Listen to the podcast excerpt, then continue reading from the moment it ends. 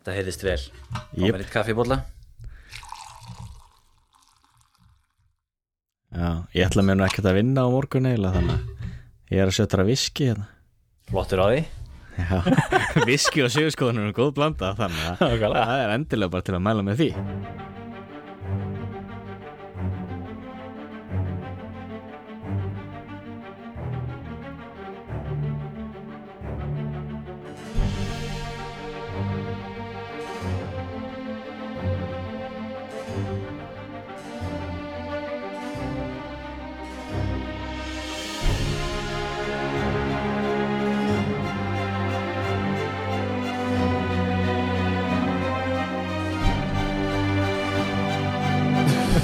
Já, komið sæl gott fólk. Og eh, verið velkomin í hlaðarpi sögurskóðun Við erum ættir hér aftur í 40. og annað skipti. Já, ég hugsa þér, þetta er skott gengur í okkur. Já, já, það er svo leis og hérna, það er komin desember, það er fullveldisdagur okkar Íslendinga, var nú hérna í gær. Já. Fagnar þú? Já, já, við erum svona fullveldispartí sko hérna heima sko. Bauð nokkur vinum og Flaggað og allt. Já, já, flagga sko. Já, já. Nei, nei, þetta er hérna Þetta er fánadagur. Mm. Jú, ætli það ekki.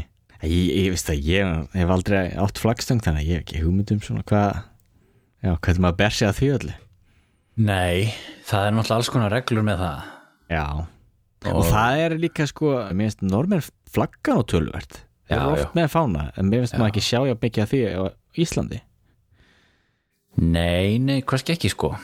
En normenn eru náttúrulega mjög uppteknir af fánanum sínum, það er alveg rétt. Og bara mjög algengt líka að vera með svona veifu bara, sem er bara alltaf sko. Já, til dæmis, hann var líka. Já, Ég minnist þessu eil bara að alltaf hafa séð slíkt á Íslandi. Nei það er nú til hinn íslenska fánabúð eða eitthvað líka á Ísafyrði Já, sem hægt er að kaupa alls konar fána og fánadót sko. Ég var nú einmitt að kaupa mér hús með fánastöng sko. Já, þannig að ég kefti mér einmitt íslenska svona veifu þar. Já ok. Vi, við erum ekki sponsaðar af fánabúðinu á Ísafyrði samt.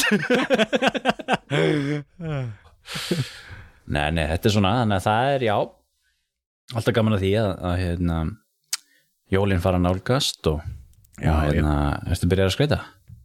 Já, já, við erum búin að skræta Við erum búin að setja allt upp. Visslas er þetta? Já, Metnaðar í mínu manni. þessu. Já, það er komin hérna Serjur út í glugga og loftskraut og það er meira þess að jólatriði tilbúið og Já, allt. Það er bara svo les Já, við, Já, já, við erum Þetta alltaf snemma í þessu. Mér er svo Mér er svo hérna Já, ánægilegt að horfa á þessu ljós og lífgar aðeins upp á svona hverstagsleikan já. Nákvæmlega. Herru, við erum slaðið upp í sögurskoðun þess að við ræðum um sögu og sagnfræði. Uh, og uh, við uh, sem sagt erum búinir að uh, vorum nú lengi í, bu- í burtu og erum nú svona tiltölu nýkomnir aftur og við vorum hér í síðasta þætti að tala um Ágústínus Jöp, uh, og lóhært að segja það það hafa nú verið svolítið svona uh, komið tími til þess að fara að gera eitthvað sko. Þannig að menn voru nú otni pínu svona að brenna inni sko. Já, já. En nú við komin aftur og uh, ekkert láta okkur. Og hérna við ætlum að tala um eitthvað skemmtilegt í dag. Við ætlum að tala um eitthvað brennandi aktuelt þema. Hvað ætlum að tala um í dag? Já, við ætlum að tala um hérna Slésvíkurstríðin Það er núna spurning, ég er bara búin að lesa um þetta á hérna ennsku Hvað kallar maður þetta? Slésvík Holsteinstríðið eða Slésvíkurstríðið Já sko Slesvíkur stríðið heitir það á íslensku sko. Uh, Holstein er náttúrulega bara með sem svona aukatri svolítið í þessu sko. Já, Já, já. og hérna Nei, því séðan er málið að ég hef líka bara alltaf verið að spáði þessu sem einu stríði en það, náttúrulega voru tvö. Já, en já, já, mér finnst þetta líka að vera sko ég sé þetta fyrir mig svolítið sko líka bara sem sko, þú veist, bara allt allt málið sko, Slesvíkur vandin, þetta er þessi tvö stríð eru rauninni sko hluti af uh, svolítið stórum pakka sem er svolítið mikilvægur í sögu já, Danmerkur og Þísklands Mm. en, algjörlega. en fyrir þá lustendur sem eru að sem ekki þekkir til að þá er Slesvig ymmit uh, landsvæði á landamærum Danmerkur og Þýskalands sem að uh, var nú nokkuð umdilt uh, hér fyrra árum á, á síðustu öld og, og aftur í þar síðustu öld. Aðalega náttúrulega á því þar síðustu öld. Og var svona bit bein uh, þessar að tækja þjóða. Eins og, eins og svo oft er með svona landamæra uh, svæði já. og maður rauninni segja það að Slesvík hafi verið svona um tíma svona sem við köllum sko svona flashpoint. Þessi eins og, og Kashmir og, já, já. og þú veist Kosovo og eitthvað svona sko. Það var svolítið þannig sko. Já. Já, að því sé náttúrulega að þetta er náttúrulega flækist þegar þú náttúrulega ert með þarna þá, þú veist, tvær þjóðir líka. Annars vegar Dani og hins vegar þjóðverja. Og svo ertu með tvö já, nokkur neginn, já, þjóðuríki þá Danmörku og Þískaland og það er náttúrulega verða deilur náttúrulega þarna á milli. Já, en ekki það í raun og veru þá er eða bara stór merkilegt að ýmsu leita að Danmörk hafi verið til sem ríki. Já, að því sko ég, og ég og það hlýtur að vera eina ástæða fyrir því að Þískaland var ekki Þú veist, ef Þískaland hefði saminast á miðöldunum svo verður þið þarna byggst upp eitthvað stert þjóðriki þar eins og gerist í Fraklandi eða Englandi. Já, þá er mjög ólíklegt að Danmörk hefði geta verið til sem eitthvað sér eining það verið svo freistandi fyrir þá stórt Þískaland að leggja undir sig Danmörku til þess að stjórna sundinu. Ég veit það nú samt ekki sko því að því að sko náttúrulega Danmörk var alltaf sérstætt konungsríki sko Já, já, var það en, var það eh, og var ekki til dæmis ólíkt sko konungsríkjónu sem að runnu síðan inn í Þískaland sko eins og Bæjaland og mm, þú veist Brúsland og þetta skilur þá, þá var náttúrulega Danmörk ekki hluti af uh, heinu heila rómanska ríki Nei, innar þýsku þjóðar uh, og var náttúrulega ekki þýst sko þannig að það sama hefði þá þurft að vera bara púra þú veist, aggressjón sko ef að það hefði átt að vera Já, já, og það er það sem ég held að hefði gerst ef það hefði verið sko saminað ríki, þú veist, eins og Bretland þú veist, England laðum sér Veils Veils var sjálfstætt konungsríki, önnur menning önnur annar tungumól, já, já, já, Írland eins með Frakland, þú veist, Bretaníu skæi Mm. sérlandsvæði e- eigið tungumól, eigin menning. Jú, jú. Ef maður hugsa út í að þann Jú, jú, þá það er það- hugsa út í það þannig sko. Og þá hefði Og- jafnvel geta verið með eitthvað svona scenario núna þar sem að þú veist, Danmörk er eitthvað svona eins og, eins og Wales sko, svona hluti af Mm.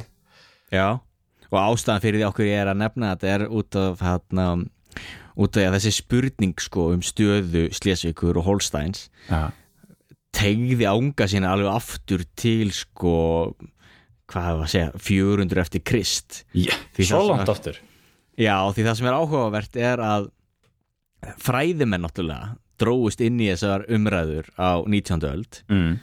Þannig að lemast Jakob Grimm sem skrifaði, eða hlutaði að skrifa Grimmsæventýri.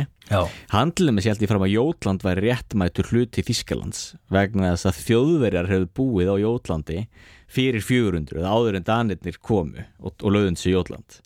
Já, og eins með þá Slesvík og Holstein það er, hann, var, þetta er heima svæði köllum við á Engla já, englar já.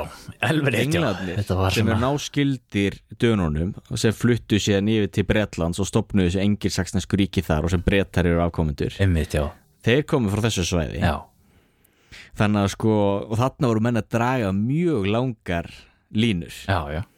Einmitt, og þetta hangi líka saman í og miðöldum því sko síðan da, danski konungar svo snemma sem sko kringu 1400 voru búin að viðkenna með Slesvík sem sjálfstætt hertuadæmi já. sem þeir síðan stýrðu. Sko, ef við förum aðeins yfir þetta við, við hérna, svo við tengjum þetta líka aðeins við það sem við höfum áður talað um, sem er nú svo skemmtlegt Já. að því að við töluðum nú hérna um uh, 30 ára stríðið. Það sem við vorum svolítið að fara yfir uh, uh, sko heila rómanska ríkið og þú veist hvernig það var uppsett og hvað það var og svo framvegis sko. Og hérna svo vorum við líka að tala um sko Grænlandsmálið og einhvern veginn upplöst dansk-norska ríkisins og, þú veist, og, allt, allt, og, og, og, og þann pakka allan sko. Og ef við tengjum þetta tengist kannski svolítið saman í þessu máli sem er í rauninni þá sko Danmörk að verða að þjóðríki og Þískaland að verða að þjóðríki já, að því að þetta tengist í rauninni svolítið báðum þessum þessum efnum sko. Og algjörlega hérna og Danmörk er eins og, eins og við komum að hérna á þetta gamalt konungsríki sem var nú stopnað einhvern tímann fyrir sko þúsund árum eða eitthvað. Mm. ekki hversu langt það fer aftur sko. Er ekki með elsta þjóðfána í heimi? Jú, Dannibró hann Já. er síðan held ég 1200 og eitthvað. Já, krossferði í Íslandi, fjalla á heiminum og hann Guð að standa með sínum mönnum. Það stendur við sínum mönnum sko. Já, En sko ég held að ég með, jú, jú danska kungsríki, er það ekki langt, já, allt aftur til sko 700 og eitthvað, er það ekki, er ekki jellingsteitnin og það, er það ekki kringum 800 svo náttúrulega þarna Knútur Blátönn nei, Haraldur. Haraldur Bláten já, já, já. Og svo, jú, einmitt Knútur líka stýriði Englandi í þokkabót og Noregi og Danmörk og orðu stórríki. Já, veit Þetta er alveg svolítið sko merkilegt að þú varst að nefna sundin sko, þetta er, þetta er svolítið svona príma staðsetning sko Danmörk Já. og Jótland Já. og, og þessar eigjar og, og þessi, þetta sund þarna yfir sko Svo náttúrulega þetta var náði danska konungsríki á miðöldum náttúrulega yfir uh, söður hluta Svíþjóðar, Skán og Blekinge Já, og hvað þessi héruð að, sem að sví, Danir mistuðu í rauninni ekki fyrir en sko á, á 17. öld sko mm. og hérna er nú kannski svolítið að koma tilbaka núna í, í hérna með Evrópusamruna og, og, og til dæmis er, er, er, er þetta hérna Skagarak svæðið svona Evrópu svona, Euro-region þannig já, að, það er það þannig Ég var bara að fletta upp hann með jellingsteinin hann er sér 935 til 983 En þá, þú veist það er hann ymsa fordminjar sem sagt um hann konustyrki þarna ég veit frá, frá 900 já, En það er einmitt eins og veist að segja þegar þetta náttúrulega líka líkil að svæði upp og náttúrulega verslunna í kringum nei, í gegnum hann hvað Kattegat og, og þessi svæði þarna fram hjá Sjálandi og já Sko er ekki, þú veist, Kaupmannöfn svolítið eins og, þú veist, Konstantínopel Norðursins. Upp á þetta að gera? Já, Borgin við sundin. Borgin vissi Eða það er Reykjavík kannski. Það er ekki samlíking. Allavega Danmörk. En það er líka, þú veist að tala náttúrulega líka um hérna, myndu þjóðuríkja, náttúrulega uh, Napoleon leisti upp uh, heila rómanska kestaradæmi Jú. 1806 Já, og eftir að Evropavöldi náðu síðan að sigra Napoleon og á Vínarfundinum já, man ekki hvort það var á Vínarfundinum eða upp úr Vínar- Vínarfundinum allan þarna 1815 já, þá stofnaði þetta ný, nýja fyrirbriði sem er þá The German Confederation. Já Þíska ríkjasambandi Já, og það uh, flækti náttúrulega máli því til dæmis þá Slesvig og Holstein, ef maður rétt voru bæði meðlumir í því. Já, reyndar ekki, sko Bara Holstein. Holstein. Ok, Holstein var í því Já, en Holstein var samt undir uh, danska konginum já, og síðan var þá Slesvig uh, undir danska konginum Já. en ekki í þessu sko, ef spólum aðeins tilbaka okay. Sko, þú ert með danska konungsríkið sem að ef við ímyndum okkur sko, uh, þú veist, Jótland er eins og, eins og höfuð og mannesku mm -hmm. að þá kemur háls niður og síðan kemur Þískaland sem eru svo axlirnar sko Mm í hálsinum, þar er Slesvig staðsett. Og rétt sunnan við Slesvig, þar er Holstein eða Hol Holtstetaland eins og það heitir íslensku Alveg rétt. Og hann og um, já, þannig að það eru þetta eru rauninni svona þessar þrjár einingar sem að eru til umræðu. Og hvenar var það nú sem að sko þessi háttur komst á að Slesvig sem var eitt hertóðdæmi og Holtstetaland sem var annað hertóðdæmi varð svona hluti af þessu danska persónusambandi, það er að segja konungurinn var samtímis hertógin í Slesvig og hertógin í Holstedalandi það hefur verið ekkert hjóna miðaldum Já, og allavega veit ég kringu 1400 1405 hafði danski konungurinn þá er búin að viðurkenna sér einingu þessara hertóðadæma Já, einmitt. Og hérna en svo er rauninni það sem að gerist sko er að, og byrjar rauninni strax á 16. öld sko að Holstein sem er alltaf kannski svona lengst svona fjarlægast og eins og þú sagðir var hluti af heila Rómska ríkinu og er náttúrulega alþýst sko, alþýst. Já, Þa, það, þeir sko fara, fá svona aukin umsvif og, og reyna alltaf að sko fá meiri yfir að yfir Slesvík herstofadæminu og það verður í rauninni ákveðin svona uh, svona ástætningarsteinn uh, sem, a, sem, a, sem er svona ástæðan fyrir þessu öllu sko. En Slesvík sko herstofadæmið það var meira blanda sko, það ertu bæði með Dani og, og þjóðverja. Mm og hérna og þess vegna er þetta svolítið svona einmitt, svona landsveði sem að þú veist, Holstein annars vegar og, og Danmörk hins vegar er svolítið svona berjast um svona umsvif og áhrif yfir sko. Strax á miðaldum Já. sko. Og svo er náttúrulega líka hluti að, að sko að það er ekki heldur að tala um það að þessi tvö hertóðadæmi hafi verið bara einhver smá hluti af Danmörku, þvert á móti þau voru sko 40% af danska hagkerfun erðu, einmitt. Og voru sko, ef mann rétt 36% af íbúafjölda danska ríksins þetta er náttúrulega rosalegt Þann- sko.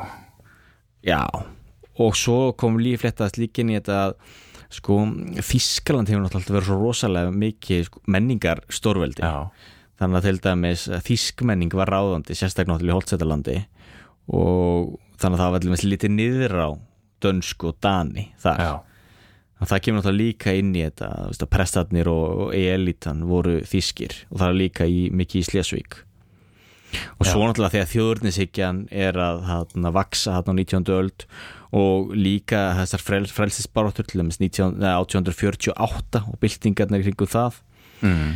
Að upp úr því náttúrulega fellur síðan danska einveldið og komið á stjórnarskráni Mm. og það flækir náttúrulega öll málin líka því það var það mismjöndi stjórnarkerfi í Danmörku þá, Jótlandi og Sjálandi og því svæði og síðan í þessum hertóðadæmum já, þannig að það er líka kemur inn og það er þetta að fyndi, ég var að lesa það hana, Lord uh, Palmerston.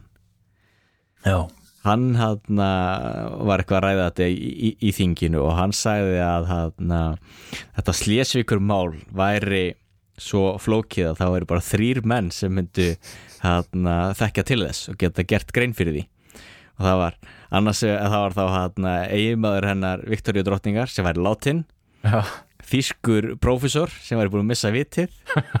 Og hann sjálfur sem væri búin að gleyma þessu. Já, já.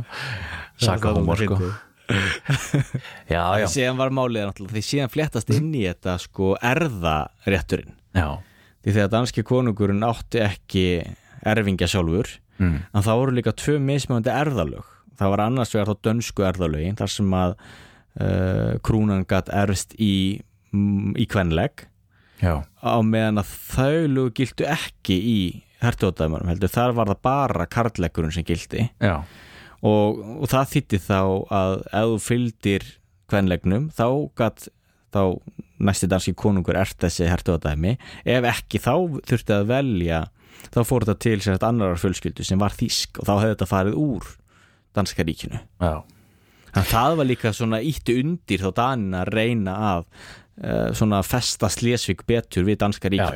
og svo er það auðvitað líka bara það þú veist að þú veist, þetta er náttúrulega komið frá miðan 19. öld þarna sem þú ert að tala um Mhm. þegar allir minnst þessi stríði verða og svona og þú veist og það er bara veist, það er rauninni bara komin tími til þess að fara að setla þessi mál af því, að þú veist, Danmörk er að renna saman í þjóðríki og Já. Þískaland er að, renna, er að fara að renna saman í þjóðríki og þú veist, það þarf bara þú veist, að fara að finna út úr þessu bara að setla þetta mm. en ef við förum aðeins í þess að sögu aftur á að nú með þessu sko því að því að hérna sko eh, Danmörk náttúrulega á miðöldum þetta er ekki þjóðríki skilur við, svo við höfum nú komið að áður þegar við höfum verið að tala um til dæmis þú veist, stöðu Íslands í, í danska ríkinu og svona.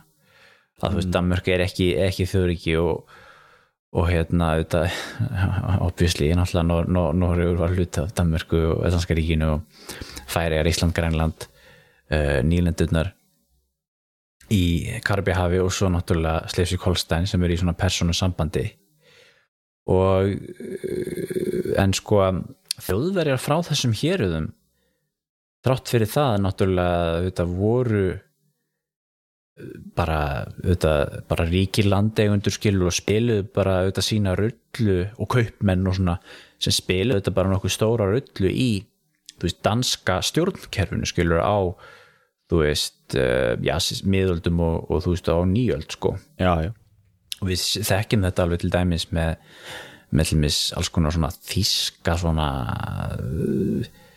já, lénsherra og alls konar svona þíska svona eh, stjórn, stjórn, stjórnunarmenn sem hafa komið skiluru einmitt og, og verið til í- hérna yfirvald bæði á Íslandi og í Noregi sko já. þó svo að Íslendingar hann reyndar aldrei fíla það held ég Nei, nei. hann reyndar tekið svolítið fyrir það en um, Hefur ekki, ekki, hefur ekki meira að segja gerst að það hafa verið sko, þjóðverjar sem hafa verið danskir konungar? Danskir konungsfjölskyldan á rætur að rekja til Þískalands og ef mann rétt þá held ég að eitthvað af þessum konungum hafa verið það litaður af þísku og þískri menningu að þeir sko. hafi valla talað dönsku. Já, það getur verið sko. Og hérna, jú, er þetta ekki Aldenborgar ættin hérna, þessi sem er núna sko Aldenborg er hérna hvað heitir Aldenborg aftur á þýsku? Oldenburg. Láenborg, jú, Oldenborg já, já Oldenborg, já, Já, það var eitthvað þessum, þetta er eitthvað svona ættir. Já ég þekki ekki ekki nú verið Nei. þetta konungadæmi en ég held að sé eiginlega allt þjóðverjar þegar þú kafa nú En í sko þegar, er allt kongufólki er eitthvað þjóður til að byrja með koma frá okkur þýsku hertu en allavega þannig að sko veist þannig að þjóður er er alveg hluti af og þeir taka þátt í þú veist hyrðinni, dönsku hyrðinni skiluru og, og hérna eh, og mynda þú veist og, er, er, eru auðvitað, þú veist þessu segðan kaupmenn og, og, eru í stjórnsýslinu og svona. Og þetta sjáum við svolítið í sko í því hvað, er eru sterk þýsk áhrif í danskri stjórnsýslu. Já. sambellin minnst, það eru þessar stopnarnir eins og canceli til dæmis skiluru uh, þú veist, rentkammer og svona þessar, þessar dönsku stopnarnir sem við þekkjum skiluru, þetta er, hafa menn bent á að sé í rauninni svolítið svona eitthvað sem að Danir hafa lært af þjóðurum sko. Mm. og þessum að og, og, og, og er alls konar svona tengsl þaðan og mikið orðum sem kom, kom úr þýsku. Já, og það er eins með norskur norska er alveg stappfull af þísku og Já, náttúrulega þá í gegnum dönsku. svona stjórnsýslu orðum sko. Já, já, til dæmis bara það sem ég smið áverið orðið krík, þú veist, þeir nota ekki orðið stríð stríð, heldur krík. Já, já, þannig að á Norðmenn. þísku Já, og það sýnur, þú veist, áhrifin. Svíja líka. Já, já, já.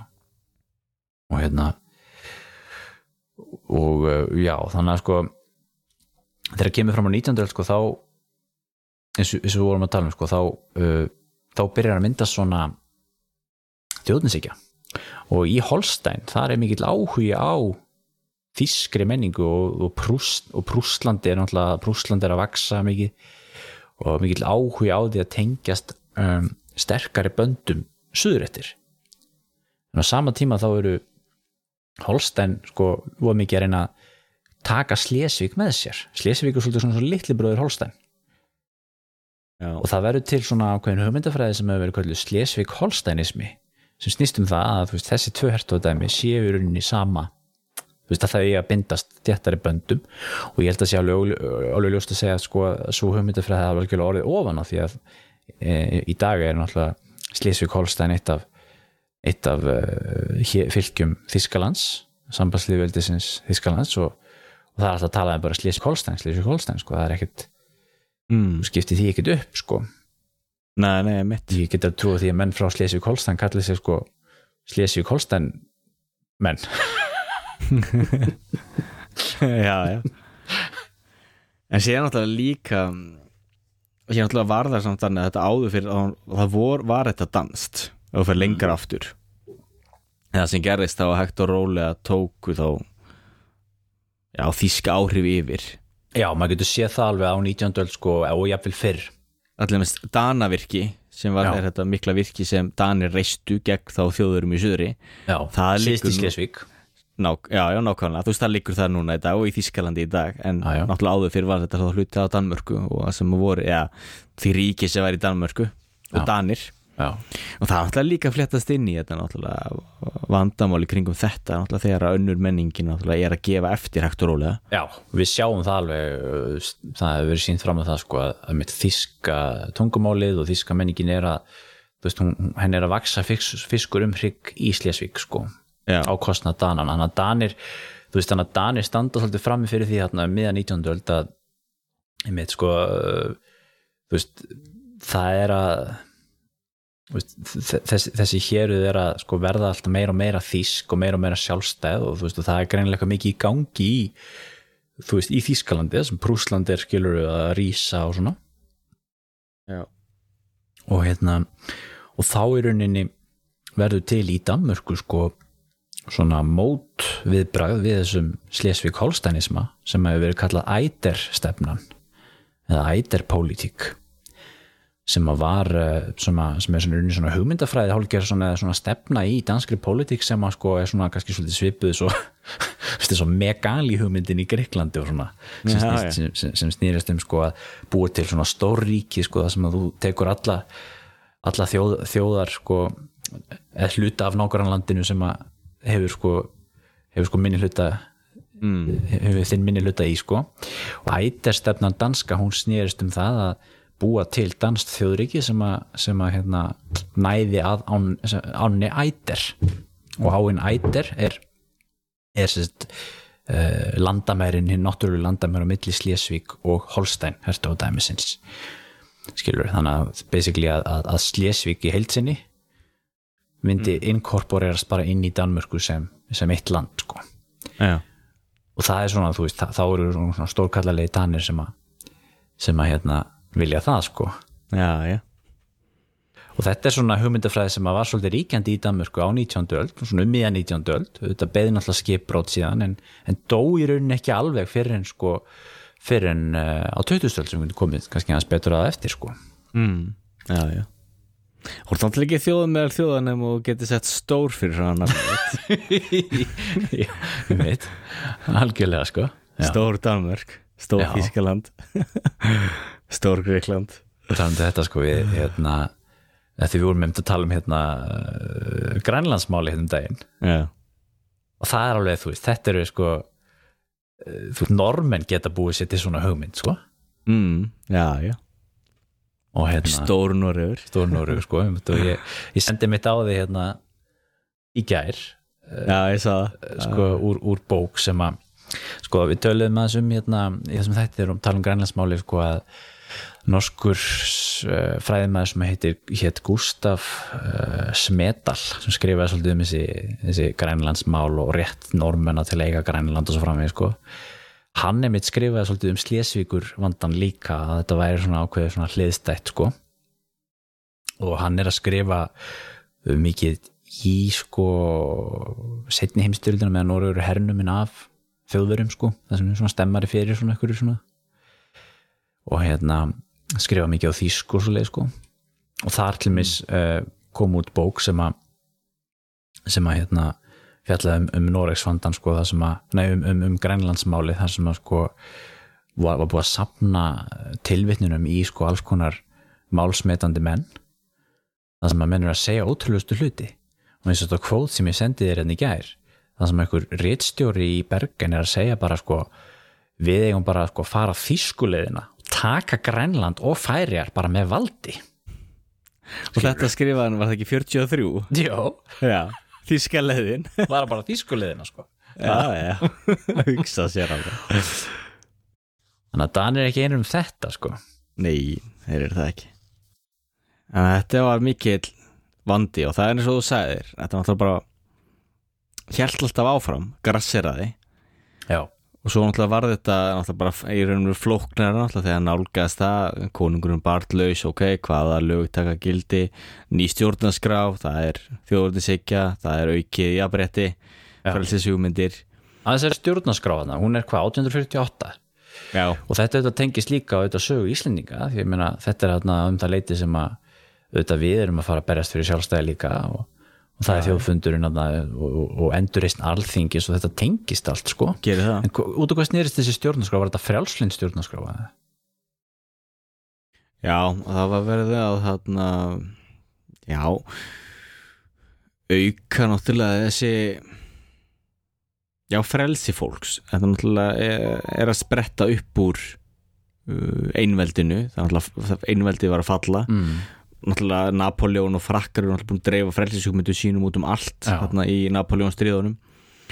Þannig að þú veist á 1848 náttúrulega var mikið svona umsviftinga ár og þarna er náttúrulega komið á stjórnarskrá og náttúrulega menn sjá sér leika borði þar að, að leina að sko láta hann að gilda þá líka fyrir þessi hertóðdæmi já, En þar mættu menn náttúrulega andstöð því í hertóðdæmunum var annað kerfi, það var þetta estate kerfi sem félst á í því að um, eftir því hvað stjættu varst að þá hafður um, auk, þá höfðu atkvæði því þín aukið gildi já, já, þannig að til dæmis sko landeigundur þeirra atkvæði vóum mun þingra heldur en atkvæði annara já. þannig að það náttúrulega var lítið jafnrétti þar Nei. Þannig að það náttúrulega krassaði þá síðan við sko ströyma í kaupmannahöfn og uh, svona, já, frelseisugmyndir sem voru mjög uh, ráðandi veist, á þessum árum. Þannig að það flett þátt líka, inn í þetta vegna þess að svo sem, já, ríkja landegundur þarna sá sér svo sem mestan hagið því að hafa kerfið eins og það var. já, já. En síðan náttúrulega kemur líka inn í þetta eins og við erum búin að tala um ekki um náttúrulega þjóðurðinsekjan í Þýskalandi og, og náttúrulega í það þessu þýska mm, sambandsríki og það náttúrulega var líka svolítið sem kom svo sem illa við Prússland því það setti náttúrulega Prússana í erfiða stöðu líka því uh, það náttúrulega var ekkert bara bara að fara í stríði eða breyti ykkur landamærum í Evrópu. Þá náttúrulega lendur strax upp á kantu við all hín ríki. Já, já. En það er það sem er áhugaður því þetta sem leisti náttúrulega síðan fyrsta slesvíkustríðið og læðingi þarna er það ekki 1848 48 held ég.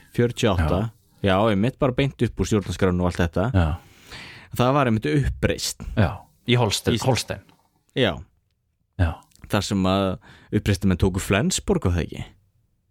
Í- Jú, einmitt, Flensborg sko. Já, og það er uppreistum en eru með hvað sjöðust manna lið? Já, einmitt. Og Þeir eru ekki að fíla það að Danir sé að koma eitthvað og hérna, koma með eitthvað svona frjálslindis kæftæði sko. Nei, og þeir vildu að því að það, að því samhliða því náttúrulega var náttúrulega þetta þá að reyna að þjætta þessi, binda þessi ríki saman. Já, og þeir náttúrulega vildu alls ekki heyra neitt slíkt. Nei, nei. Þannig að, og þá náttúrulega þetta fara, fara hérna Danir og, og, og um, reyna að kveða þess að uppreist niður. Prússar blanda sér inn í þetta eða Deutscher Bund Þíska ríkjasambandið. Já, þeir draga Brúsland inn í þetta. Já, já, og svo voru, já, uppreistamenn já, hvað maður að segja náttúrulega spenntir menn sá þarna kannski já, sáu fyrir sér að þarna verði kannski loksins að fara að gerast maður að verða hluti að þýskaðandi okkur slíkt. Já, þannig að þeir fóru full geist já, sem náttúrulega þýtti það náttúrulega að danski herir síðan sigraði þá. Já. en, en býtu sko áðans að kannski þurfum að fara eitthvað rosa í smáatrið sko með það stríð sko en, en er það ekki samt þannig að sko prússarunni sigra sko danina þú veist svona á vígvellinum sko líka í þessu stríði sko þó að það hefði bara verið runni stórveldin sem að greip inn í, er það ekki rétt hjá mér? Sko, vegna þess að uppreistamenninni vildu sigra Danmörku áður en prússar og austríksmenn kæmu. Já, þannig að þess vegna er sko takaði Flensborg og Danirnir þá senda her og ná að koma þeim að óverum og sigra þá. Já í þessari einu orustu í þessar orustu, já, já, en svo náttúrulega verður þetta síðan auðvitað að koma prússarnir Já. og prússarnir vinna síðan orustur eins og segir. Já, já, einmitt, einmitt, að því að sko maður hefur stundum haft svona einhverja mynd sko hugmynd um það, þú veist að Danir hafi unni fyrra stríði, mm. en Prússar hafi síðan unni setna stríði Já. en sko og þá getur maður sagt sko gefið dönum þá þá rósi í nappagatið að hafa unnið þjóðvera einu sinni sko. Já, já. En, en ég held að það sé ekki alveg tilbúið tilfæði sko því að, því að þú veist það voru stórveldin sem gripu inn í einu sinni sem oftar. Þá Einu voru það breytar og félagar frakkar og rússar og okkur í svona. Alltaf þurfa þeir að vera að skipta sér að sko. Nákvæmlega, með fingurnar í öll já já og þannig að, þannig að Prúsa stóðu náttúrulega frammi fyrir því að þeir þurftu að vera að fara í stríð kannski mútið Rússlandi og Frakland og Bretlandi. Og það náttúrulega var gjörsamlega og vonlust þá ertu náttúrulega strax komið með þetta að þú veist, já, einu sinni sem oftar þá eru það stórveldin, nágrannaríkin sem er alltaf að reyna, reyna að hindra Þískaland í að ve- vera öflugt. Og, og, og þá ertu rauninni með sko, þú veist, sama þú sér og þú hafðir hann í 30 ára stríðinu þú veist að, að þú veist að sko nágrannaríkin eru, eru að að hindra það basically að, að, Þískaland saminist já, skilur já, já, og auðvitað er það náttúrulega að gerast að því þessi, þessi stríð, tvö stríð þarna, Slesvíkur stríð sko, þau eru nú svona oft talin með svona mm, hluti af svona þeirri sögulegu uh, þróun sem að við köllum saminning Þískalands á 19. öld, skilur hluti af upprisum Prúslands og svona sem að verður auðvitað til þess að þú veist Berlín verður höfuborgin, og, og Þískaland er eins og við þekkjum það í dag. En auðvitað komum við svolítið inn á það þegar við vorum að tala um 30 ára Manstu, þá voru bara allir að reyna að stoppa Östuríki frá því að samina Þískaland sko. og þetta hefði maður getað að túlka það svolítið sko, að það hefði verið tilrönd til þess að samina Þískaland sko, frá Vín. Og síðan náttúrulega á öðrum tímpúnt í Þískri sögu til dæmis hafa menn reynd að samina Þískaland frá Frankfurt skilur við, vestu Þískalandi Rúr og það er ekkit, þú veist, það er ekkit sjálf gefið að Þískaland hafi saminast þarna norður í á sléttum lág Þískalands skilur ja, við með, með, með Berlín sem höfuborg sko. Mm, en það vil svo til að það verður þarna þessum, eftir, eftir alla þá sögulegu þróun sem hefur orðið fram að þessum tímapunkti og þetta er hluti af því. Það er ís Prúslands já, þetta er það. Og þarna líka var búið að endur skipulegja þetta náttúrulega brúsneska herin. Alltaf brúsneska herin náttúrulega hann stóð sér mjög illa í Napoleon stríðunum. Já, það var mikið sjokk hvernig mm, Napoleon bara já rúlaði yfir hann. Þannig að það er náttúrulega jú, ákveðið síðan tímabila sem náttúrulega Brúsland síðan, jú, vinnur náttúrulega endanum en það er náttúrulega fyrst og fremst þessum stórveldum að þakka og þarna var náttúrulega búið að setja meiri kraft náttúrulega að byggja upp brúsneskan her. Og það allir svolítið svona kaltæni örlega að þarna var austuríkismenn að berjast með brúsum síðan. Þeir hefur náttúrulega svo sem haft gott að því að fylgjast aðeins með þeim Já. læra hans af þeim sko. Já, já. Það gerir setna samt. Já, það gerir setna, en þarna náttúrulega sérðu samt sko, þarna ertu komið með þennan prúsneska her sem, sem var að fara að velta, að rúlla yfir alla og saman Já. Þískaland já, og en síðan náttúrulega líka það sem er erfitt við þetta og er áhugavert er náttúrulega líka þetta fyrirbriði sem er þetta þíska sambandsríki já, sem líka hentaði mjög illa fyrir Prúslanda ímsu leiti því veist, þeir kerðu svolítið af staðlunist þetta stríð sem Prúsland gat ekki unnið út af andstöðu frá hinum ríkjónum já, já, Já, þannig að það voru erfitt fyrir Prúsland til dæmis að líka bara bakka og gefa sig því það náttúrulega mistu þeir trúveruleika gagvart sambandsríkjunu og hinum þýsku ríkjónum þannig að náttúrulega ákveðin hann ekki fyrir náttúrulega Prúsland já, já. og þá náttúrulega flækir líka allt þetta dæmi en það náttúrulega endara síðan þannig að þá náttúrulega er ekkert leist þetta mál í fyrra nei. stórveldin grípa inn í, það er lundunarsamningurinn. Já, 1852 já, og menn eru bara svona, ok við já, býðum að þess að sjáum hvað En gerist það er samt staðfest í rauninni svona status quo sko, það er staðfest Já. að og Danir eru, þeir eru bundnir sko við þessan þennan, þennan samning, það sem að Danir meiga ekki þeir eiga hætta að reyna að uh, inkorporera Slesvig inn í Já. ríkið. Já, og, me, og hérna meiga og, og það kemur fram í þeim samningi til að Slesvig má ekki bindast sterkari böndum við Danmörku heldur en við Holstein. Þannig að þetta er unni þú veist, þeir reyna að frista vandamáli. Já og líka þú veist, minnst svolítið stundum kannski, svolítið ofsögum sagt að segja að Danir hafi unni stríðið, sko, ég meina Danir náttúrulega kannski, jú, jú þeir, þeir, þeir mist ekki Slesvig þarna en, nei, nei, en nei. þeir, þeir fengu ekki Slesvig heldur beint, þú veist, það, ekki svona eins og þau vildu Nei, það er endur alveg þú verið ætla að halda bara áfram að, að krauma þetta, bara alls konar erjur hérna og, og svona og vesen með, með tungumál og, og svona stjórnsýslu. Já, og svo flettast líka en sinni þetta líka svona pan-skandinavismi. Já, Því það er líka áhuga sko að að það var líka okkur vonbriðlum að Svíþjóð hafi ekki gengið harðar fram í þessu málum sem til stuðnings Danmörku.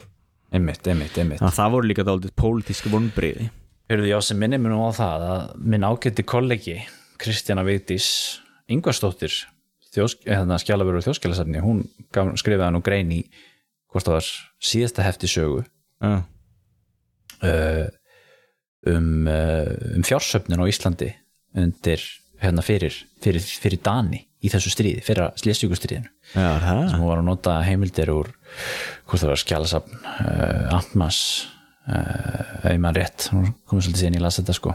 En hérna þannig að það er nú ekki, já þannig að það er svolítið merkileg saga sko. Já, það er áhugavert. Manstu eitthvað, var eitthvað Manstu eitthvað, tóku Íslendingar Já, eitthvað undir þessa fjársöfnum var Safnaðist eitthvað að fjö eða var það meira svona já, já, kallið minn. Þetta er spennandi. Þetta Já, svona að gera þetta. Já, já, svona að gera þetta en það er nú ekki, ekki hérna síðasta sinn sem, sem Íslendingar söfnuðu pening fyrir, fyrir frændþjóð í neyð. Það var gert aftur í já og hérna og ég mitt í aftur fyrir Dani og Normen í setni heimstyrildinni og, mm, og hérna og svo þetta meira eftir stríð Já, en það er náttúrulega já, já. En það var allan, það, er alveg, ég er alveg sammálað, það er ekkert að segja að Danir er vinnið þetta, heldur er þetta meira bara vandamálið er frist í ákveðin tíma. Já, já, vegna að það líða síðan bara einhver 12 ár og þá mm. blúsar vandamálið upp aftur. Já og sko þá ertu komið fram til 1863 mm. og hérna þá uh, og 64, þá, þá erum við að tala um setna slésvíkustrið Já, og hérna við náttúrulega ákvaða ástæðan fyrir við byrjuðum nú að spá í þessu málefni Ólafur var nú vegna þess að ég var að horfa á þættina 1864 já, já. Varstu búin að sjá það? Nei, ég hef ekki komið yfir en það er enn á listarum Ég nefnilega mitt datt inn í eitthvað svona fekk allt inn einhvern rosalega áhuga að horfa á danst sjónvarsefni Já, ertu búin að horfa alla þættina? Já, reyndar held ég tvo síðust eftir. Já, en þá hérna datt, sá, sá ég þetta, þetta eru sérst þættir sem að fjalla um setna slýsvíkustriði og þetta eru dýrustu þættir sem hafa verið framleitir í Danmörku sko. En þar er einmitt sko sko í, þe í þeim þáttum sko þá það að sjá svolítið svona þess að sögu skoðun sem að sem að kannski maður kannski getur ímyndað sér að þú veist að sé uppi á þess að þekki kannski ekki nákvæmlega hvernig Danir hugsa um um þetta stríð. En, en svo sem bara svo við segjum það nú að, að, að þetta stríð í stuttumálið þetta var þannig að, að þjóðverðar uh, komu aftur að gerðu aftur innráð sinni í Danmörku og þá var það vegna þess að Danir uh, voru árið 1863 að reyna aftur að gefa Slesvik sérstöðu konungsríkinu. Og það var aftur ykkur svona stjórnaskrár uh, sko leikur ykkur sko november stjórnaskráin svo kallaða sem átti að, átti að binda uh, Slesvik ennþá þéttari böndum við, við Danmörku skiluru og, og, hérna, og þetta náttúrulega stríti þetta bara gegn þessu samkomulegi frá 1852 og uh, hún gerir náttúrulega Holst, Holst, Holsteta og aðra þjóðverða bara mjög reyða sko. og er henni gefur Bismarck bara ástæðu til þess að gera innrás.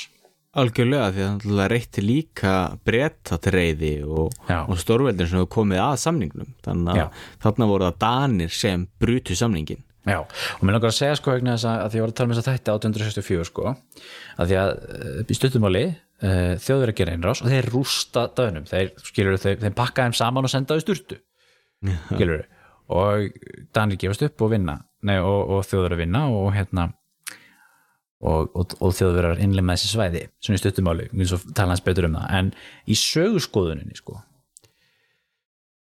sko þá er þetta rosalega létt fyrir mann að sjá sko þjóðverið sem vondakallin í þessu. Já. af því að þeir eru svona þessi stóri sterki, risastóri nágranni skilur sem er að keira yfir litla nágrannaríkið skilur já, og og hérna og ég held að það sé annars að vera það skilur það er ákveð svona Davíð versus Goliath svona eh, svona ímynd einhvern veginn og kannski er þetta líka eitthvað að við erum náttúrulega bara Norðurlandabúar skilur og við, okkur er tamt að hafa samúð með dönum skilur kannski er það líka já, já. en og svo er það líka bara skilur að okkur er tamt að líta á þauður alltaf sem vandakallin skilur þauður eru alltaf vandakallin Það og það er líka svolítið. þannig sem að skilur hinn stórvöldin hafa alltaf verið duglega skilur mála þauður alltaf upp sem vandakallin skilur og þeir eru auðvitað, auðvitað líka þetta- verður þetta hluti af skilur risi, risi Prúslands sem að síðan verður að þíska keisaridæminu sem að verður þá þessi, þessi hermaskína sem að vesturveldin uh, lendu síðan í í fyrir heimstyrjöldinni skilur og svo náttúrulega aftur í setni heimstyrjöldinni og þannig að það er svo létt einhvern veginn fyrir okkur eftir á að, að svona hafa ykkur svona ímynd af þessu stríði sem svona, já, þjóður er réðust á auðmingja Danmörk og stálaðum landinu Mm. en svo þegar þú skoðar þetta þá er það í rauninni alls ekki hægt að líta á það þannig held ég sko, ég held að sé eins og mér finnst eins og, það er alveg ljóst að Danir hann eru með að keira þessa æder pólitík sína. Og ég held að danski sagfræðingar sjá það alveg sko, það er náttúrulega kannski munur á því hvað, hvað sagfræðingum finnst og hvað sko, þjóðinni finnst, sko, ég veit það ekki. Já, og hérna og Danir er að keira þessa æder pólitík sína sko, þú veist gegn í rauninni allri skinnsemi sko. Mm. Og það kemur svolítið í ljós í þessum þáttum hann 1864 sko.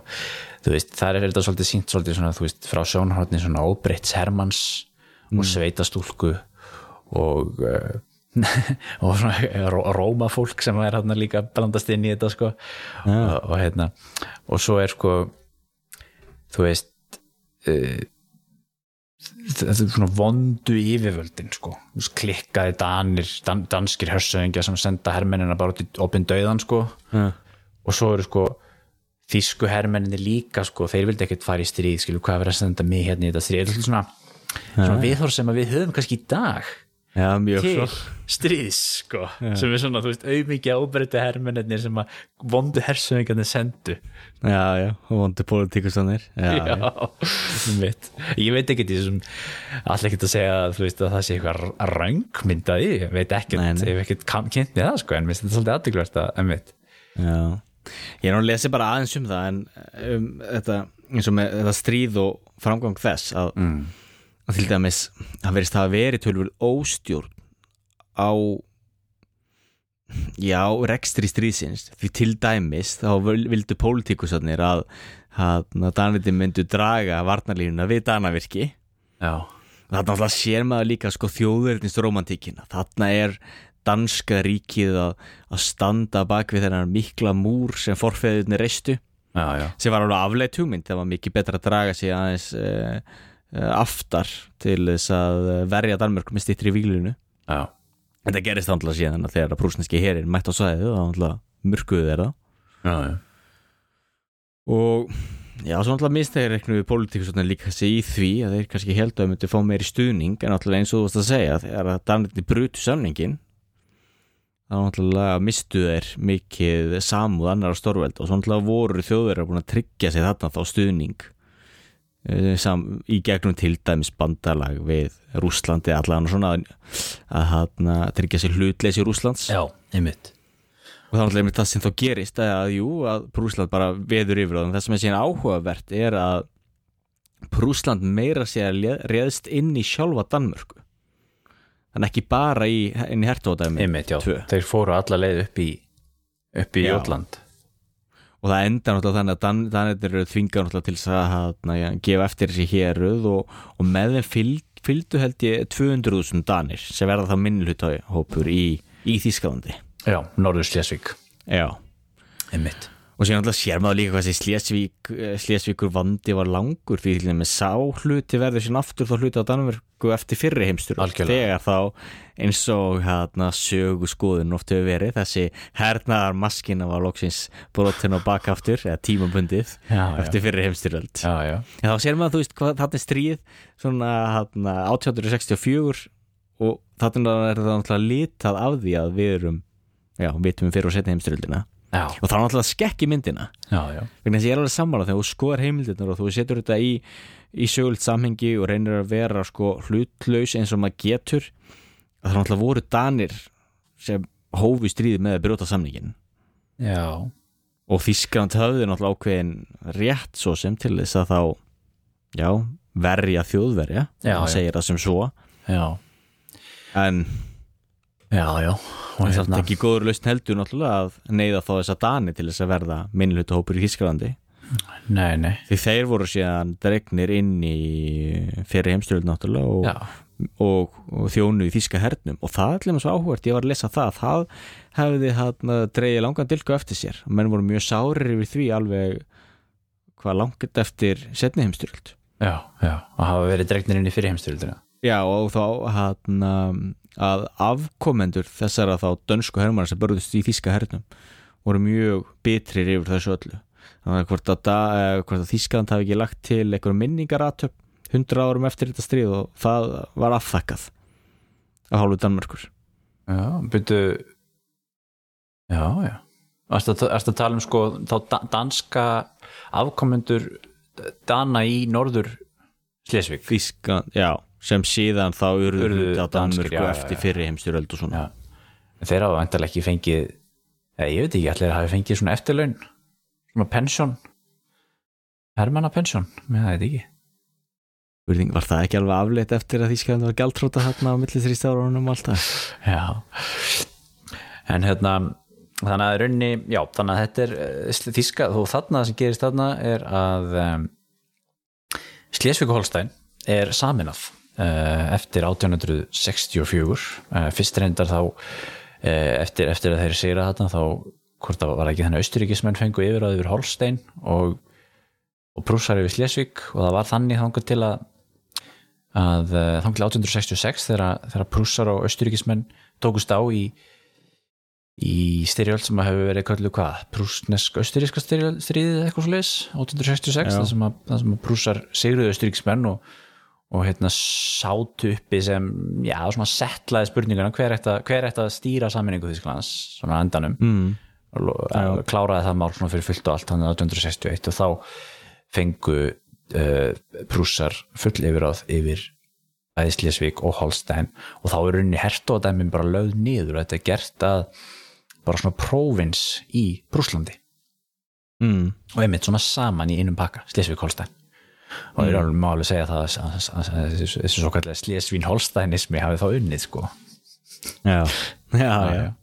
og þannig var En það alltaf- alltaf, og það sem gerir sem alltaf þarna, ok, þarna er, því er var þá Danmark búin að missa uh, 40% af hagkerfinu cirka, kannski Já. 35% íbjöfjöldunum og þarna fæðist sko danska þjóðarsálin sem er þá Danmörk sem þetta litla ríki.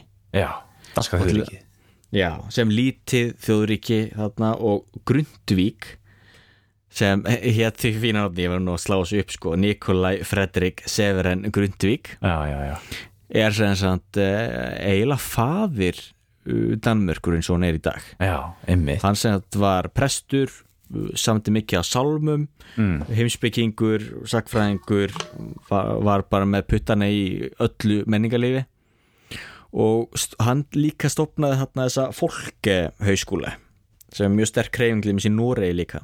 Já, líð, líð, líðháskóla Líðháskóla, já. Og til dæmis uh, mikið af uh, þetta aldrei að sálma eftir hann til dæmis er í norsku sálmabókinni. Og við syngjum sálma eftir Grundvík alveg reglulega. Hann er mjög stór í Danmörku og Nóri mm. og hann hlað sérstaklega í Danmörku vegna þess að hann bjóð aldrei til þess að dönsku þjóðasál já, Grundvík Og það er náttúrulega- þetta er náttúrulega frávær hérna, dansku framböru hér Ólaf minn. Já, er það ekki? Það er dánavert Þú veist það, ég ætla ekki að reyna að bera þetta fram á dönsku. Ég er hún svo skattaðar að ég búið í Nóri já, að já, já, það er bara ekkert að tala um sko. Já, en þá náttúrulega upp úr náttúrulega þessu náttúrulega uh, já náttúrulega verður Danmörk til á nýjan hátt. Því þarna náttúrulega er það búið að verð, er hægt loksins þá að búa til þjóðuríki það er eiginlega bara það sem er eftir. Og svo náttúrulega var þetta svo mikið tráma líka og sjokk náttúrulega fyrir Danmörku já. að vera rústað svona af prússum. Pældi þessu, þriðjungur þjóðarinnar er, eru þjóðverjar árið 1848 já, pældi því. Það er rosalega mikið og eins og þú sagðir Já. uh, helmingurinn af efnahægum, sko, þetta er rosalega mikið. Þetta er það og hérna Slesvik Holstein er aftur á móti held ég bara frekar lítill hluti af þíska landi sko. Já, og hérna, byrjunum við var ég ekki búin að skrifa það hjá mér hérna einhverstað líka? Já, þeir voru sko 2,6% af íbúafjöldan Þískalands árið 1900 já, já, það er ekki mikið. Það er ekki mikið nei. Þannig að hérna En síðan líka, já, það var áhugað, það flettist náttúrulega líka inn í þetta sko, þarna kýlskurðurinn, já, eða það? skipaskurðurinn í kýl Skipaskurðurinn gennum Já. kýl. já, Þeir náttúrulega á meðan að Danir uh, höfðu yfir á þarna, þannig náttúrulega gátu þarna prússar ekki uh, graðið en að skipaskurð. Þess að skipti náttúrulega miklu mann, það stýttir að sleiðin og náttúrulega þarf ekki heldur að borga toll til Danna.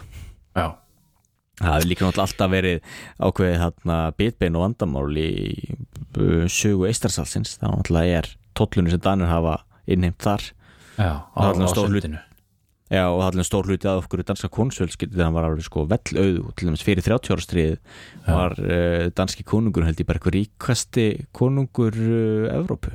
Já, einmitt, já. Út af verslun.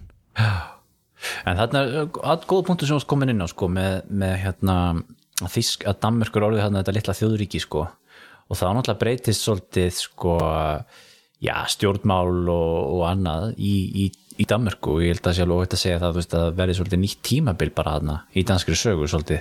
Allavega þegar kemur að svona stjórnmálum og auðvitaðriksmálum sérstaklega og svona sko. Mm. og svo náttúrulega líka það að mm, það er áhvert að sjá það að allir kjölfarið á þessu getur maður sagt líka þú veist að nefna þetta með dan- danska auðvitaðrikistjórn auðvitaðrikismál Já, sjá Danir að hernaðarvald er ekki ekki úr leið sem þeir geta farið upp úr þessu sem smáþjóð. Já, já, þannig að uh, næsta skipti sem Danir uh, tók þátt í einhverju hernaðar umsjöfum utan Danmörkur er ekki fyrir enn í Júkoslavi, stríðinu já, og þá náttúrulega þessi hluta NATO. Já. Voru þeir svo ekki í Afganistan eða? Jú, síðan í Afganistan, ef að verið þar líka. Já, en það er alveg þá langt tímabil þarna þar sem þeir reyna að vera hlutlausir og alltaf voru það þessi fyrir heimstyröld en til dæmis í setni heimstyröldin þá er saga Danmörkur er mjög sérstök í setni heimstyröldin algjörlega með það vegna, og vegna þess að þeir já, unnu náið með þjóðurum Já, meira segja, þú veist, þeir heldu kostningar var það ekki? Jú, jú, þeir heldur 53. kostningar og það, það er náttúrulega þetta önnur saga en, en hérna mjög merkileg saga og þjóður mm. vildu vinnu, unnu aktíft að því að gera Danmörku að svona uh, showcase fyrir sko Já. gott hernám og hérna, Nákvæmlega. og hérna já, en uh, aftur að Slesvík Holstein, ef við hérna sjáum aðeins hvað gerist síðan nú eru komin inn á, á uh, 20 stöld og Þískaland er orðið að þessu þessu monsteri sem það er orðið. Og þau verður að tapa fyrir heimstyrjöld um, þau verður látni skrif undir uh, mjög niðurlegandi samning sem að kallast Versala samningurinn hinn allræmdi mm og samkvæmt Versala samningnum að þá er kveðið svo á um að halda skuli þjóðarætkvæðagreislu í Slesvík um áframhaldandi uh, um framtíð þessa svæðis. Og það var auðvitað gert líka á öðrum stöðum, það var gert í Sarland mm. sem er hérna við landamæri Fraklands þeir kursi nú held ég að fara yfir til Fraklands var það ekki? Eða, nei, Nei, kursi er Þískaland Þeir kursu sem Þískaland setna já, já, já. Og þetta reyndar á sig nú smá forsögu því að um, 1864 þegar þjóðverðar eru, prússar eru búin að segra þarna þá, þá gera prússar og austuríkismenn með sér samning sem síðan er rauninni fellur úr gildi sko hann 1866 Já, þegar, hérna, þessu, ég kom að þetta náðan sko. en þá er rauninni gera austuríkismenn að prússa með sér samning það sem ein, ein, ein klausan uh, í þeim samning segir að að halda skuli þjóðuratka greiðsluða kostningu í Slesvík eða Norður Slesvík og meðal eitthvað svona landamæri hér að mann hvernig það orða mm. Um, um nákvæmlega þetta sko. Þannig að þetta ásér smá svona sögulega rætur og Danir heldur alltaf mjög fast í vonina um að þetta er gert. Og Danir voru í setni hluta 19. aldar sko með þetta svona, þú veist, já, hérna, þið munir nú að, hérna, þið munir nú eftir þessu, það ekki, strákar? Ég ætlum nú að gefa okkur kostningu þannig í Slesvík, hvað ekki? Svona minna þess á sig sko. Já, já, en eins og margir sagfræðingar án og benda á þá, þá var þetta nú ekki bindandi eitthvað dönum heldur rauninni bara eitthvað sem að eitthvað samningur um milli prússa austuríkismanna sem að síðan fjall og gildi sko. Já. þannig að prússa svo sem voru aldrei þannig sé skuldbundin til að gera þetta en, en, en á að planta hugmyndin allavega. Já, og þá er mitt áhugavert, þá náttúrulega sér maður hvernig eitthvað svona hefur náttúrulega áhrif. Já, og þá já, þá lóks getur maður sagt að þessi slésvíkur vandi hafi verið leistur 1920 þannig að þegar kostning, já, þegar kostningin já. var. Já, af því þá náttúrulega ertu líka þá fá þessi, fær danska þjóðabróti þá að líka þá að vera hluti af Danmörku. Já, sem þeir vildu þá. Algjörlega. Það, það er framinn, það er haldin hérna, kostning í Slesvík. Og Slesvík er skiptið við þrjá, þrjú svæði eða són og það er sem sagt uh, fyrsta svæði sem er, sem er runnin sem við kallum Norður Slesvík síðan er það annað svæði sem er svæði á milli í miðunni og síðan er það suður hlutin og það var runni ákveði sko að halda þjóðalkvæðsli í öllum þessum þremur, nei, í, í sérst fyrsta og öðru svæði. En sem var ákveði bara að vera ekkert að standi í því að halda þjóðalkvæðsli í þessu þriða svæði vegna þess að það myndi ekki taka sig að þeir myndi potið kjósa Þískaland sko. Já, þannig að það var rauninni bara kosið í norðurhlutunum og í miðhlutunum og hvernig var þetta aftur? Norðurhlutin fekk 70% var það ekki eh, sem kursu að vera hluta Danmörku og meðan 20% í, í miðhlutunum kursu að vera hluta Danmörku já, e eitthvað svo leis já. við náttúrulega erum hérna alveg mjög vel undirbúinir hérna í þessu hlaðvarpi en mjög svo. þetta var veginn þessar svona. tölur. Já. En þá allavega náðust loksins var þetta þá leist en það er náttúrulega auðvitað samt ég held að mér segja þann dag í dag það er náttúrulega eitthvað af þjóðurum hérna í söður Danmörku. Við landamærin. Og er ekki eitthvað dönum ennþá í Þísklandi jú, jú, þetta Þú sem tala á svona Þú veist, Jú, jú, landamæri svo sem aldrei er alveg 100% Já, já. Jó, þetta er hérna 74,9% kursu fyrir Danmarku í Norðurslesvík. Eh, Í Miðslesvík þar voru það 19,8%. Einmitt, þannig að ég var með þetta svona nokkurn veginn rétt. Þannig að hérna, já. Og þetta er auðvitað svolítið aðtilvægt sko, eh, að að sko þessi svona málefni auðvitað hafa verið auðvitað svolítið svona Já, ég meina, er þetta ekki verið svolítið umræðinu síðustu árin, svona þjóðlatkvæða greiðslur um, um, um svona málefni, sko, kannski Jú e, þá náttúrulega með skotar voru að kjósa og, mm. Og hvernig var það nú Katalónia, voru þeir ekki að kjósa líka ólega Ég reyndar? reyna það. Já. Jú, jú, Og hérna- skoti niður. Og, og þetta er náttúrulega máli sko hver er að reyna að kjósa eftir hvort þú fáir stuðning frá já. eða ekki? Já, já, í þessu tilfelli þetta þetta er 1920, þetta kemur alltaf beint inn í Wilsonismann og sjálfsákunar rétt þjóða og veist, þetta er alveg svona exemplar dæmi, sko, þú veist. Þetta svona, svona leysu við máli, sko, þú veist. Já. Veldu bara þjóðarkafislu Norrlutin vill vera með dönum, flott en alltaf þjóður þetta voru- var náttúrulega tók náttúrulega heila heimstyröld til þess að fá þess að gera það þetta Já, já. Og líka þú veist að því að tala um þú veist, þetta, er, þetta, er, þetta er náttúrulega er ákveð uh, þetta er náttúrulega er stort vandamál í okkar samtíma líka. Náttúrulega ef við tökum tölum til þessum Rússlands vandan já. sem er núna í Östurörpu og það er náttúrulega ástæðan fyrir hernaðabröldi í Úkrænu náttúrulega vegna þess að það er stór hluti Úkrænumanna sem eru rússar. Já, já. og rússar meira sér haldaði fram allir Úkrænumenn séu rússar. Er eitthvað að fara að gerast þar núna? Það var einhver er maður í vinnunni minni í dag sem að var að segja með það að allir eh, innan, innan gesalappa eru að tala um það að það sé að fara að brjótast út stríð í Úkrænu á næsta ári síðast lagi í februar 2022 sagði hann. já, já, já, það er mikið búin að tala um það og rússarnir eru með eitthvað nokkur hundruð þúsund manna herafla núna við landamærin. Já, ég held að já, hugsunátturinn í, í Kreml er jú að án Úkrænu getur Rússland ekki verið stórveldi. Mm. Það er náttúrulega líkillin að jú, svartahafinu leng, landamæri fjær uh, þá Moskvu þá náttúrulega bandarækjum einhver setur upp eldflugakerfi og, og slík og vopn í Úkrænu þá getur það tekið kannski hvað var það að tala um, nýju mínútur að ná Moskvu. Það náttúrulega er óg sem Moskva getur ekki sett sig það er nú gott fyrir okkur NATO menn að, vera með hérna, eitt góðan herprest okkar megin. Jú, það er mjög gott. til kemur að gera mitt í þessu. Láta hann með guð með okkur í liði. Já Spurning hvort ég þurfa að æfa, æfa það eru talandi þetta alveg hérna, þá er sér nú komið svolítið út af, út af. Ég var nú að lesa það að 2018 þá hefði nú hérna, rúsneska rétturhjónakirkjan klofið sér frá patriarkanum í Konstantinopel einmitt út af Úkræn sko. Það er nefnilega búið mikið deiluöfni líka sko. Já. uh, vegna þess að það er líka málið sko, það alltaf, kænugarður náttúrulega er líka hvernig höfuborg Rúslands veist, kjarnir Rúslands Já. náttúrulega liggur í raun og verið þarna sjögulega séð þannig ja. Er það er hennu saga. En það er önnur saga. Allavega 1920 uh, þjóðakurvisla í Slesvík. Norrlutin fyrir eftir Danmörkur mjög áhugavert, ég er aðeins búin að skoða um, gögn frumheimildir frá þessu. Þetta er mjög merkileg, merkilegt sko. Danir uh, hafa verið mjög duglega við það að uh, gera skjálasöfn stafræn. Og uh, ég veit að, að það er til til uh, eitthvað safn í uh, í þess að söður Danmörku sem að geymir bæði skjálasöfn og, og, og gripi sem að tengjast enga skjálasöfn og annað sem tengjast þessu þessum landamæra svæðum.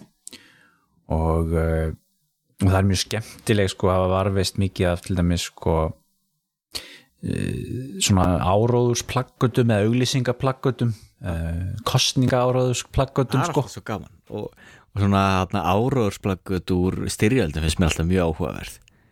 Já, já, og hérna einmitt þarna sko getur maður að sé sko hvað hva voru menn að benda á í sko kostningabaráttunni fyrir þessu og þetta er náttúrulega svolítið manni tíma sko, maður getur alveg sett sér í þessi spór svolítið sko. Og þetta er líka manni svo sem í staðsendingu líka, ég menna Danmörk er nú bara okkar nánasta nákvæmna ríki sko.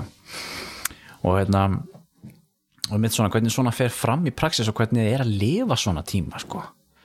Að því að sko þú veist, Dan, danski og kostningaáróðurinn er svolítið sko þú veist, kjóstu með Danmörku skilur, það er velferð hagsælt, frið, friðsamlegt sko, velferðarki sko. Já. og þú veist, og svona alltaf líka þjóðnins ekki, alltaf koma heim í hvað var ekki svo, þetta, stemda í uh, stemda í em eða eitthvað svona. já. skilur við uh, stemda í tilbegu eitthvað svona.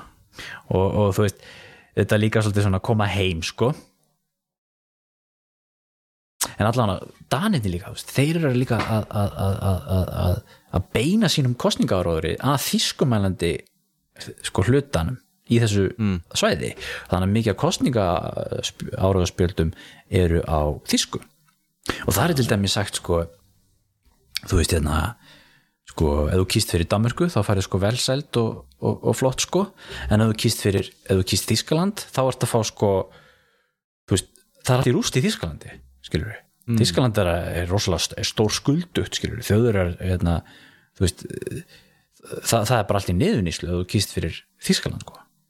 Að að, og það er auðvitað alveg rétt, ég meina á þessum tíma þá er Þískaland þú veist, alls ekki góðu kostur alls ekki gott land að búa í akkurat árið 1920 skilur Nei, alls ekki. Og ég meina það er auðvitað þessi tími sem við höfum séð hérna sem að uh, átti eftir að koma hérna hvað var það hérna óðaverðbólga og, og stóra atvinnuleysi og bara þú veist þvílíkt vesen sko. Kreppa, algjör kreppa eftir fyrir já. sérstaklega í Þískalandi sko. Og það er raunulega ótrúlega að, að, að, samt hafi sko 80% skilur í miðhlutanum. Samt sem aður kosið sko Þískaland, þú veist það eru að höfðu valið um að geta kosið sér yfir í eitthvað svona lítið friðsælt sko land sem að var ekki nýbúið að tapa heimstyrjöld sko.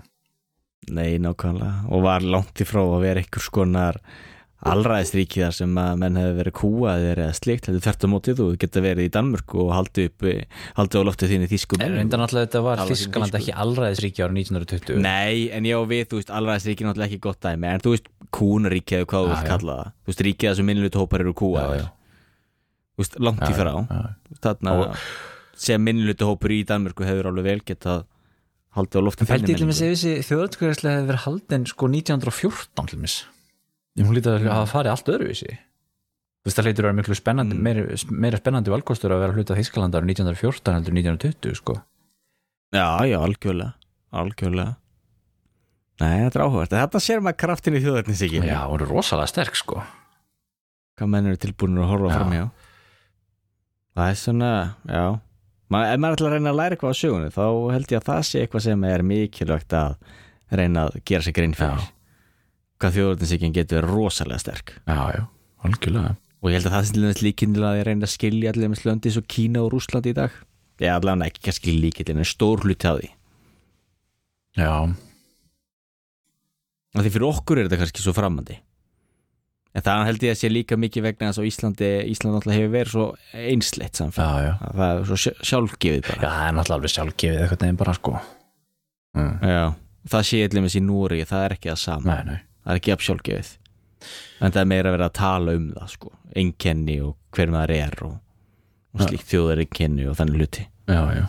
Sem var mjög framandi fyrir mig þegar ég byrjaði hérna, í háskólum, ég skildi ekki okkur að alltaf vera að tala um þetta. Já, já Já, já. Nei, nei, þetta er eitna, Þetta er stert afl, þú veist ekki hún er það. Herðu, mm. danski konungurinn Kristján Tíðindi, konungur Íslands líka hann kom ríðandi á hvítum hesti við landamærin.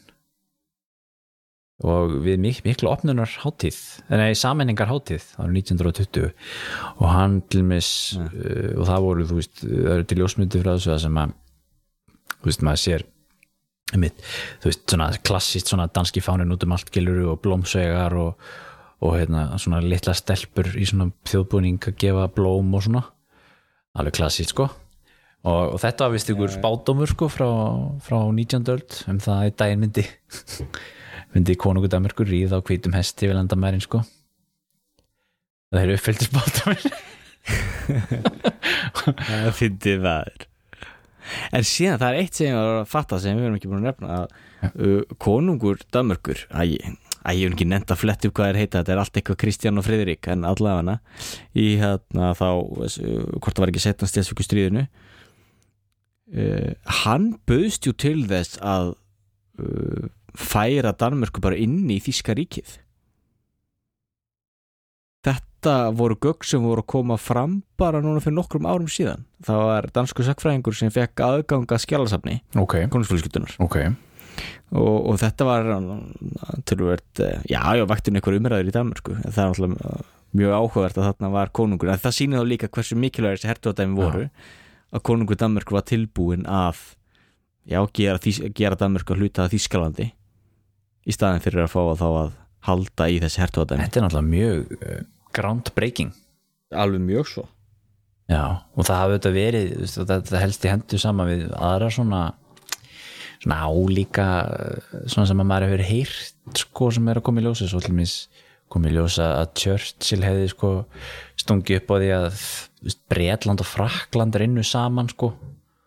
Já, og Já, veist, eitthvað svona sem að hugmyndir sem að sko enginn vissi af sko Nei. sem eru bara að koma upp setna og auðvitað líka e, ég, ég tengist þetta því ég held nú alltaf að þú ætlaðir að fara að segja því ég hef nú heyrt það nú ekki og þannig að ég nú, þú nú hengi upp um mig hvort það var í tengslu við þetta að, að þeir hafi stungið upp á því að selja að skipta á á Íslandi og, og hérna og, fyrir það að fá full yfir, yfir Slesvík eða hvort að mér segja misminna en ég get alveg trúa því það, því það eru til margar svona sögur um, um hérna eh, það sem að Danir er að bjóðast þess að skipta á Íslandi fyrir alls konar hluti við alls konar þjóði Já, nákvæmlega. Þannig að kemur ekkert óvart ef þeir eru það. kaupa. eða velti upp sko. Greit að hann er alltaf að reyna að selja og engi vil kaupa. Já, en það hefur verið talað um Þískaland, Frakland Bretland Já. Bandaríkin líka, alls konar stórveldið sem að Já, já. Nú er það svo. En þarna Mér finnst þetta merkilegt með þessa, með þessa þjóðgarvíslan 1920 sko, ég var svolítið að velta fyrir mig sko, ég veit að þetta er svo nálat mann í tíma sko, hvernig sko, veist, hvernig, hvernig er hvernig framkvæmur og svona? Skilur, þegar sko í praxi sko, þú veist þið ímyndaðu til mis að að sko menn, ég myndi alveg og eins og ef að vestferðir skilur væri að væri verið að færa vestferði yfir í eitthvað annað land. Mm. Og hvernig gerur það stjórnsýslulega skilur, hvað með skilur þú veist út með sveitafjölögin, þú veist með, mm. þú veist, með lauruglun, út með postin, út með ramaskerfið út með, út með skólana þú veist með skilur uh, allt a, a, alla þessa innviði sem, sem maður þurfa að skipta út Já. og þetta er svolítið svona flókið að sjá, þú veist, að sjá fyrir sér sko, hvernig, hvernig þetta er, er gert sko. og mér er svolítið merkilegt að ég laðist nú aðeins í að lesa þarna Vessalasamningin mm -hmm. Sem er alveg svolítið skemmtilegt, reitt sko, og mér svona heldur að fyndi að, því að ég er nú í, í vinnunni núna búin að vera að lesa hérna, frumvarpaða nýjum lögum um opið skjálasöfn í Nóri mm -hmm. að því að við erum fara að gefa, gefa hérna umsögnum það yeah. og þú veist, maður er búin að lesa það og það er svo ótrú, ótrúlega hefi lesning, Yeah. skilur Yeah. það er samt einhver, einhver lítil skítalög eða kannski ekki lítil, en þú veist með versalasamningin, það var að lítið já. og versalasamningurinn er náttúrulega hjút en hann er samt einhvern veginn svona þú veist, pældi hvað mikil áhrif hann hafði. Mm. og þetta er bara samningur Já, skilurðu. og hann er bara eitthvað hvað? 100 blessur eða 200 blessur, eitthvað bara. Bara. og, og hann hafði öll þessi áhrif. Og hérna og uh, já, alveg merkilegt og hvað ætlaði ég nú að segja? Það er eitthvað mér tala um, um sko, hvernig þetta á að fara fram þessi þjóðratkvæða og það er sagt sko, frá því að þjóðverða skrifundi samningin sko, það hafa þeir sko, hvað var það, tíu daga eða eitthvað svo leiðis til þess að tæma alla stjórnsýslu úr Slesvík. Já. allt sko, þú veist, sveitastjórn og, og þú veist, svona regional uh, stjórnsýsla skilur á að fara úr stjórn úr, úr Slesvík og náttúrulega allir hermenn og allt svoleiðis líka Já. og síðan kemur hérna uh, svona nefnd sem að tekur yfir uh, nefnd sem að stendur saman af sko þremur uh, fulltrúum frá bandamönnum breytum frökkum og bandaríkjumunum og síðan sko einum, einum normanni og einum svíja Já, já. sitt í þessari nefnd sem að er svona nefnd sem að sjá um þá stjórnsýsluna á meðan að vera að gera þetta sko og þetta er alveg auðvitað fyrir þú veist sko lokal söguna þarna auðvitað var þetta alveg stórt máli yfir sem að veist fólk á þessu svæði þekkir þess að sögu vel þegar þú veist bresku, frönsku hermenninni komu og eitthvað svona sko Mm. Þísku, þískir hermenn fóru og kom allt í nú fylgti skutunar einhvern frönskum hermennum og eitthvað svona skilur og breski brest hernámslið og, og eitthvað svo leið sko Mm. og hérna og síðan sko er þjóðkvæðagreislan haldin hann í hvað, februar, mars eitthvað svo leiðis og það er síðan ekki fyrir í júli sem að sko Danir svona offisjali taka yfir þannig að þú getur ímyndaði sko bara hvernig er þessi að lifa þessa tíma þetta er allt þetta er allt svolítið magna sko Það er það. þannig að Já. Síðan þetta skjótin líka þetta undir lokinni, hérna var að lesa það að þetta er fyrsta stríðið sem Rauðukrossin uh, var með í. já hérna slessugustriði Já. já, Það er líka, uh, það er líka mjög áhugavert. Þarna var þá Rauðukrossin á, já, bæði þá Danmörkur og Þísklandsmegin og já, var þá að vinna í því að huga að særðum hermunum og slíkum. ok Það er náttúrulega líka með áhugaverð saga og, og Rauðukrossin náttúrulega líka með áhugavert fyrirbrið. já, alþjóðlegt svona batteri. Já, já, og náttúrulega mikilvægur hluti náttúrulega af sögun, þú veist, Rauðikrossin er eitthvað sem skiptir miklu máli en þá í dag, þú veist, að það er mikil virðing borin fyrir Rauðakrossinum, algjörlega svona almennt séð já, já, já og ekki það, ég er reyndar hægt þú það var ekkert sniðut að vera með Rauðakrossmerkið ef maður var hérna í, í Afganistan, Taliban það voru eitthvað að skjóta þá. Já, já, en ef maður var með rauða hálfmánan. Hm, Já, eða Rauðan hálfmána. Það er náttúrulega, já, en hvernig er, já ég veit það ekki, Rauður hálfmána, er það ekki bara ef þú ert muslim eða þú notir það? Jú, ég held að þetta sé alveg nákvæmlega sama dæmi sko. það er bara því að þú veist Já. uh, kross er uh, trúalegt táknu þetta Það Jú, jú, algjörlega, og ég var líka að sé, það vissi ég ekki, ég var að lesa að líka verið þriðja táknið, rauði kristallin eða eitthvað slíkt.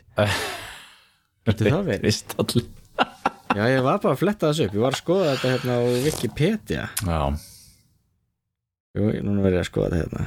Jú, jú, Red Crystal. Fyrir hvað er það? Það er góð spurning. Ég veit ekki hvort það hefur allavega En það er þá, Það er kannski fyrir trúleysingja kannski. Það er kannski það En þá verður bend og ímislegt sem gerist í þessu slesvíkustríði þannig að það hefði áhrif í ímsu leti Já. Algjörlega, Slesvíku stríð þetta er uh, merkileg stríð og Slesvíku vandinn um, ekta svona þjóðnis þjóðnis pakki Mhm. og uh, þetta átti þetta eftir að hafa smá svona eftirkust fram á 20 stöld sko. Það var uh, mis, sko þjóð, þjóð Danir náttúrulega sko sumir vildu ekki, sumir vildu véfengja þessa kostninganiðustuðu sko. Mm. og þú veist það voru stjórnir sem fjallu í Danmörku.